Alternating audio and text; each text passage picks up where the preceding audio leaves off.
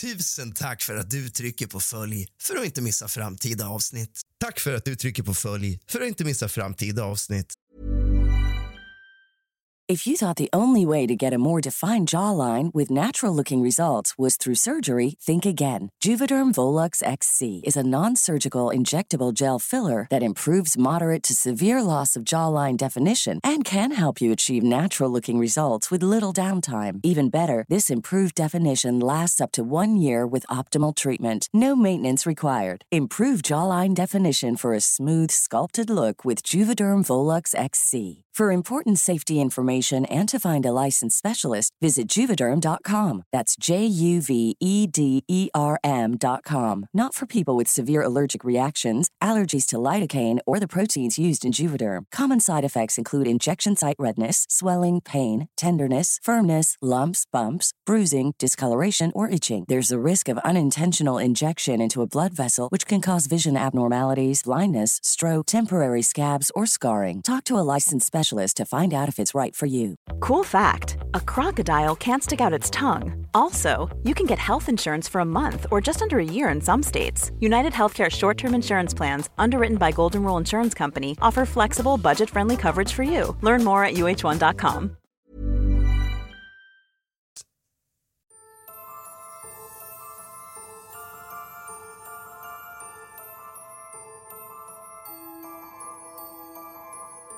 Vi befinner oss mitt i den mysigaste juletiden. Dagarna precis före jul och alla är som mest upptagna. Allting är otroligt mysigt och magin är så stark och närvarande att man verkligen känner det. Du kan nästan ta på det och det kan du inte förneka. Man sitter vid frukostbordet en tidig morgon i skenet av levande ljus till tonerna av låg men stämningsfull julmusik och blickar ut i mörkret. Snön silar sakta ner och stillfullt ifrån den kolsvarta himlen och landar på marken. Man känner nysnön knarra likt potatismjöl under fötterna när man går gatan fram inbonad varmt och gott i det kalla vädret med en god varm dryck i magen med vetskapen om att den mysiga julen snart är här. Det slår alla sommardagar med råge, och så är det bara. Mina vänner, eller mina små fegisar Idag blir det inget läskigt avsnitt. Podden heter ju trots allt kusligt, rysligt och mysigt. Och idag ska vi fokusera på den senare biten, just det mysiga. Idag ska vi prata om jultomten. Så sätt dig ner, hämta lite sällskap och något varmt att dricka. Släck alla lampor och tänd alla ljus och kura ner dig under en filt. För nu börjar dagens avsnitt av kusligt, rysligt och mysigt.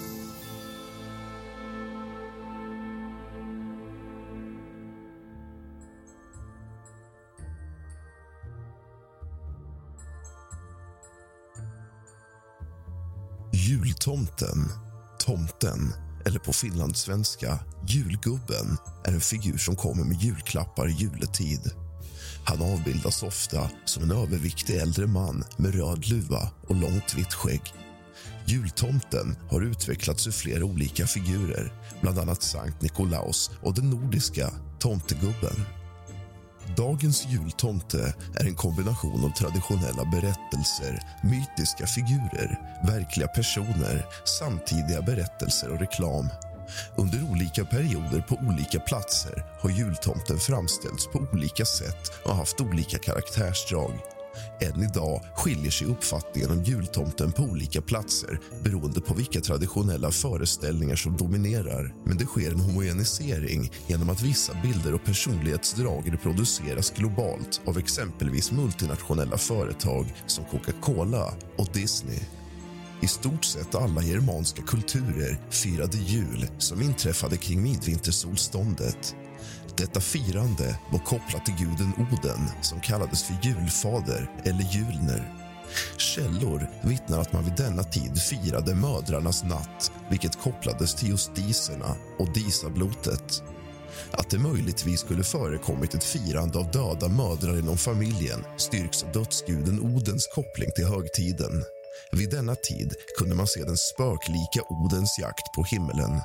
Margaret Baker menade att vandraren Oden med sitt långa vita skägg, sin slokhatt som rider över himlen om natten och besökte folk i sina stugor var grunden för jultomten. I engelskan gestaltades julen av Father Christmas vilket för tankarna till julfader. Den nederländska figuren Sinterklaas har också jämförts med Oden. Sinterklaas rider på hustaken på en vit häst. Oden rider över himmelen på Sleipner. Sinterklaas har svarta medhjälpare som rapporterar till honom vilka barn som varit snälla eller stygga. Oden har korparna Hugin och Munin som rapporterar åt honom. Jultomtens amerikanska namn Santa Claus är baserat på det nederländska Sinterklaas som härleds till Sankt Nikolaus som var en kristen biskop av grekisk härkomst på 300-talet i staden Myra i romerska riket i dagens Turkiet och som helgonförklarades för sin givmildhet. I legenden räddar han bland annat i hemlighet tre flickor som inte har tillräckligt med pengar till hemgift så de slipper bli prostituerade. Sankt Nikolaus är skyddshelgon för barn, sjömän, fiskare, de falskt anklagade, pantbankerna, ångerfulla tjuvar samt många städer. Han avbildas vanligen iförd röd biskopsdräkt, ofta med detaljer i vitt och grönt. I de nordiska länderna förekom en jultradition där ungdomar gick runt bland gårdarna och framförde enklare skådespel eller sjöng visor. En i sällskapet kunde vara utklädd till bock ibland med en mask gjord av halm. Som tack för uppträdandet fick de mat, dryck och pengar till ett gille som hölls i mellandagarna. Det hände att barnen blev skrämda av den utklädda bocken. I delar av Sverige fortlevde traditionen kring mitten av 1900-talet. Under 1800-talet förändrades traditionen gradvis inom den borgerliga samhällsklassen till att man klädde ut sig till bock och delade ut julklappar på ett sätt som föregick jultomten. Alice Tegnérs visa om julbocken lyder Stod där ute och stampa och gav dörren en smäll.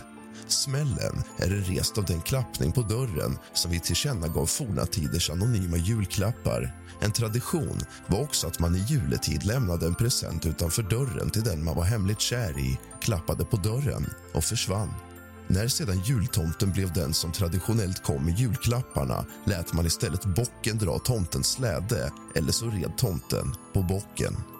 I Norden var det bland annat Viktor Rydberg med novellen Lillevigs äventyr på julafton från 1871 och kanske främst dikten Tomten från 1881 och Jenny Nyströms illustrationer till de bägge texterna som la grunden till den kulturella fusionen av gårdstomten och julbocken vilket gjorde tomten till en figur som symboliserade julen.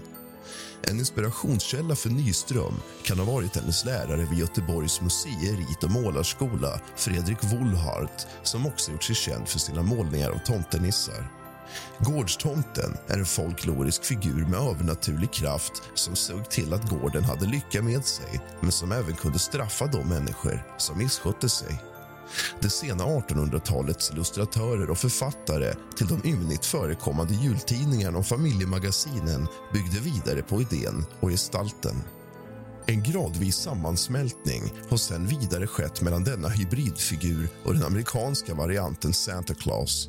En tjock, rödklädd äldre man som skapades på 1800-talet denna figur förekommer bland annat i dikten A visit from St. Nicholas numera känd som The Night before Christmas troligen skriven av Clement Clark Moore som publicerades i tidningen Sentinel 1823.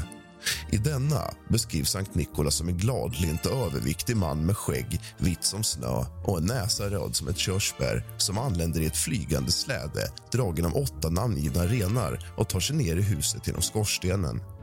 De första bilderna av denna versionen av den amerikanska jultomten såg senare i tecknaren Thomas Nasts illustrationer i tidningen Harper's Weekly där en bild publicerades 1863.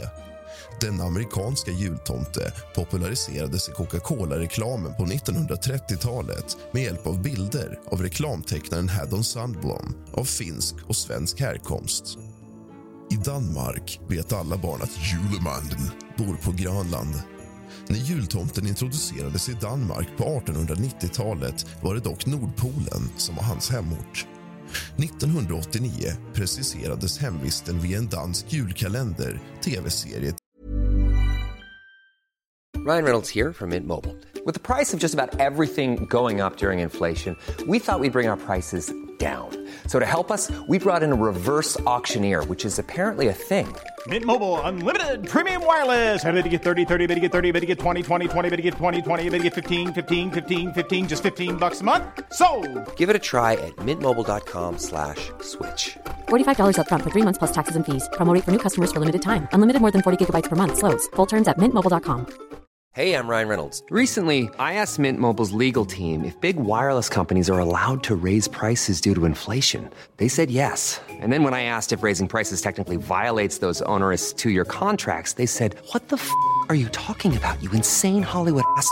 So to recap, we're cutting the price of Mint Unlimited from $30 a month to just $15 a month. Give it a try at mintmobile.com slash switch. $45 upfront for three months plus taxes and fees. Promo rate for new customers for limited time. Unlimited more than 40 gigabytes per month. Slows. Full terms at mintmobile.com. Umanak. Den danska tomten lägger paketen under granen på natten till julafton. Renarna som drar tomtens släde heter på danska Danser, springer, smukke, konge, komet, amor, torden, lyn och Rudolf. I Finland lever jultomtens föregångare julbocken kvar i det finska namnet Jolopukki. Pukki betyder bock. Det finlandssvenska namnet är däremot julgubben. I svensktalande Österbotten används emellertid även benämningen julbocken fortsättningsvis. Den tidigare traditionen med den skrämmande och lustiga julbocken påverkades från mitten av 1800-talet av den tyske Weihnachtsmann, julmannen, till att bli mer förmannande och kristlig. Julklappsutdelaren började i samband med detta att kallas julgubben. Julgubben anses komma från Korvatontori i Lapplands ödemark och sägs köra alla sina länder med släde. En av hans renar, den med röda mulen, heter Petteri på finska. Då Korvatorori ligger långt borta i svårtillgänglig ödemark är det få turister som försöker hitta hans hem. Däremot finns turistsatsningar annanstans, i synnerhet Rovaniemi nära polcirkeln där också postadresserad till julgubben besvaras. Ett stort antal turister, främst britter, besöker Lappland kring jul. Främst Rovaniemi och Kittle, men också Ivalo och Entinokis. År 2012 var det frågan om 300 charterflygningar. Rekordåren 2006 och 2007 över 500. Den svenska jultomten, som är en blandning av amerikanska Santa Claus och gårdstomten i gammal svensk folktro importerades som tradition till Sverige från USA under 1800-talet och besöker ofta hemmen på eftermiddagen eller kvällen vanligtvis efter tv-programmet Kalle Anka och hans vänner önskar god jul som sänds mellan klockan 15 och 16 den 24 december. Ofta kommer han i form av en utklädd anhörig, till exempel pappan i familjen som under kvällen smugit ut för att klä sig. En klassisk ursäkt för att förklara personens frånvaro är att den har gått för att köpa tidningen. Tomten yttrar ibland frasen Oh, oh, oh, finns det några snälla barn här? som hälsning då han träder in i rummet där julfirarna sitter. Detta är dock en sent påkommen fras. I svenska borgerliga hem på 1800-talet gick presentutdelningen till ungefär som den ofta gör idag. Skillnaden var att den mystiska gästen med mask för ansiktet från början på många håll föreställde en julbock. Den svenska jultomtens skratt, ni vet, ho ho ho tros ha kommit från engelskspråkiga länder och ursprungligen från karaktären Puck i William Shakespeare-pjäsen Midsommarnattsdröm från omkring år 1600. I södra Tyskland, Österrike och Tjeckien förekommer en tradition där det istället var Jesu barnet, Das Christkind, som gav barnen presenter. Överflyttad till Sverige lät traditionen en ung flicka spela Jesu barnet med en krans av tända ljus i håret som föreställde en gloria. Den figuren smälte samman med lussebruden och blev en av flera källor till den unikt svenska Lucia-traditionen. I det övriga Tyskland, som är en evangelisk präglat är det dock jultomtens tyska motsvarighet Weihnachtsmann som ger presenter till barnen. Sankt Nikolaus helgondag är 6 december. I vissa länder, särskilt Tyskland, Nederländerna och Belgien är det då, 5 eller 6 december, som Sinterklaus kommer med presenter till barnen medan juldagen snarare firas som en kristen högtid. I Tyskland talar man om Sankt Nikolaus som kommer med presenter den 6 december och Der Weihnachtsmann som förknippas med julen. De två karaktärerna avbildas på samma sätt, rödklädd och med stort vitt skägg. Den nederländska Sinterklaas har ofta röd klädsel och har alltid sin följeslagare Svarte Piet nära till hands. I Österrike och några andra länder heter Sankte Nikolas följeslagare Krampus en svart varelse med horn och svans som under Krampusfesten den 6 december agar alla olydiga barn med en risknippe innan Nikolaus delar ut presenter. I Storbritannien, USA, Kanada och Australien och andra länder med engelska som dominerande språk finns Santa Claus, en förkortning av Saint Nicholas, det vill säga Sankt Nikolaus, också kallad Father Christmas. En rödklädd, skäggig mansfigur som delar ut julklapparna under julnatten så att barnen får dem på juldagens morgon. Normalt framställs han körande en släde dragen av flygande renar. Särskilt den amerikanska bilden av tomten har med bland annat Hollywoods hjälp spridits runt världen och används som en julsymbol även i många icke-kristna länder där ett sekulärt julfirande ändå förekommer såsom Japan och Kina. Den slaviske farbror Frost var från början ett vinterväsen i folkmytologin.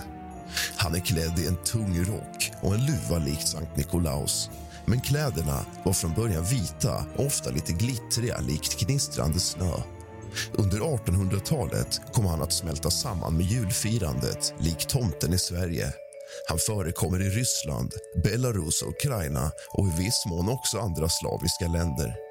På senare decennier har han kommit att bli rödklädd efter inspiration från väst. Presenter delas ut till nyår istället för jul vilket är en kvarleva från Sovjettiden då man inte fick fira kristna högtider. En svårlöslig fråga i mytologin är den om var jultomten bor. I vissa länder bor han innanför landsgränserna och i andra utanför. Gemensamt för mångas tro är att han bor på en lågbefolkad och något svårtillgänglig plats. Ibland finns det kommersiellt intresse och marknadsföring med turistattraktioner på platsen. I amerikansk folktro bor han på Nordpolen. Det var tecknaren Thomas Nast som 1866 först föreslog adressen. Där har han enligt amerikanerna en tomteverkstad med tomtenissar som tillverkar alla julklappar. Enligt denna tro använder han en flygande släde dragen av renar med Rudolf i spetsen för att flyga runt världen och dela ut julklappar under natten till juldagen. I verkligheten är det dock inte möjligt att bosätta sig permanent på den geografiska Nordpolen eftersom den saknar landmassa. Men tomten bor väl inte i våran dimension? Danskarna anser att Julemanden bor på Illusat på Grönlands västkust och i en dansk julkalender från 1989 specificerades platsen till Umanak. Under 1800-talet trodde däremot även danskarna på Nordpolen. Finländarna är övertygade om att julgubben bor på fjället Korvatunturi vid gränsen till Ryssland i nordöstra Finland. Det var en radiojournalist under 1920-talet som skapade myten. Den ogästvänliga platsen har i praktiken fått representerats av Rovaniemi där man sedan 1998 haft nöjesfältet Santa Park. En delegation från Rovaniemi har bedrivit lobbying i hopp om att få bli EU-sanktionerade som jultomtens hemort. I Norge har man haft mindre behov av att fastställa var tomten bor även om det har spekulerats. Det kan möjligen bero på att kopplingen till gårdstomten slash nissetraditionen är starkare där. I Norge skickar många barn sina önskelister till julenissen på Nordpolen men posten hamnar i Dörbak söder om Oslo. Dörbak marknadsförs även globalt med jultraditioner för turister. Det finns dock många andra orter i Norge som figurerat i norska diskussioner. I Sverige finns både sagolandet Tomteland sedan 1984 i Mora och postcentralen i Tomteboda norr om Stockholm där de brev som svenska barn skriver till tomten hamnar och varifrån de också ofta får svar. I slutet av 1990-talet gav sig även Arvidsjaur in i Sverige i diskussionen och i mitten av december 1998 invigdes Tomtens hem där. I december 2007 gick det svenska företaget Sweco ut med att jultomten borde bo i bergen i Kirgizistan nära gränsen till Kazakstan. Detta skulle nämligen enligt svenska företaget vara optimalt för jultomtens logistik när han ska dela ut alla julklappar. På grund av detta har kirgiska myndigheter sagt att de planerat att namnge ett berg efter jultomten. Forskare vid Lunds universitet har kommit fram till att tomtens hem och huvudbas strategiskt sett borde ligga i Jokkmokk efter att ha studerat satellitbilder och folkförflyttningar. I vissa länders berättelser förekommer en avlägsen öde plats i norra Turkiet nära gränsen till Ryssland. I Turkiet är det däremot Myra, nuvarande Dermre tillika Sankt Nikolaus dödsort, som är tomtens hemvist. I Nederländerna talas det om att jultomten Sinterklaus kommer med båt från Spanien. Du har lyssnat på ett mysigare inslag av kusligt, rysligt och mysigt. Av och med mig, Rask. Ha en riktigt god jul.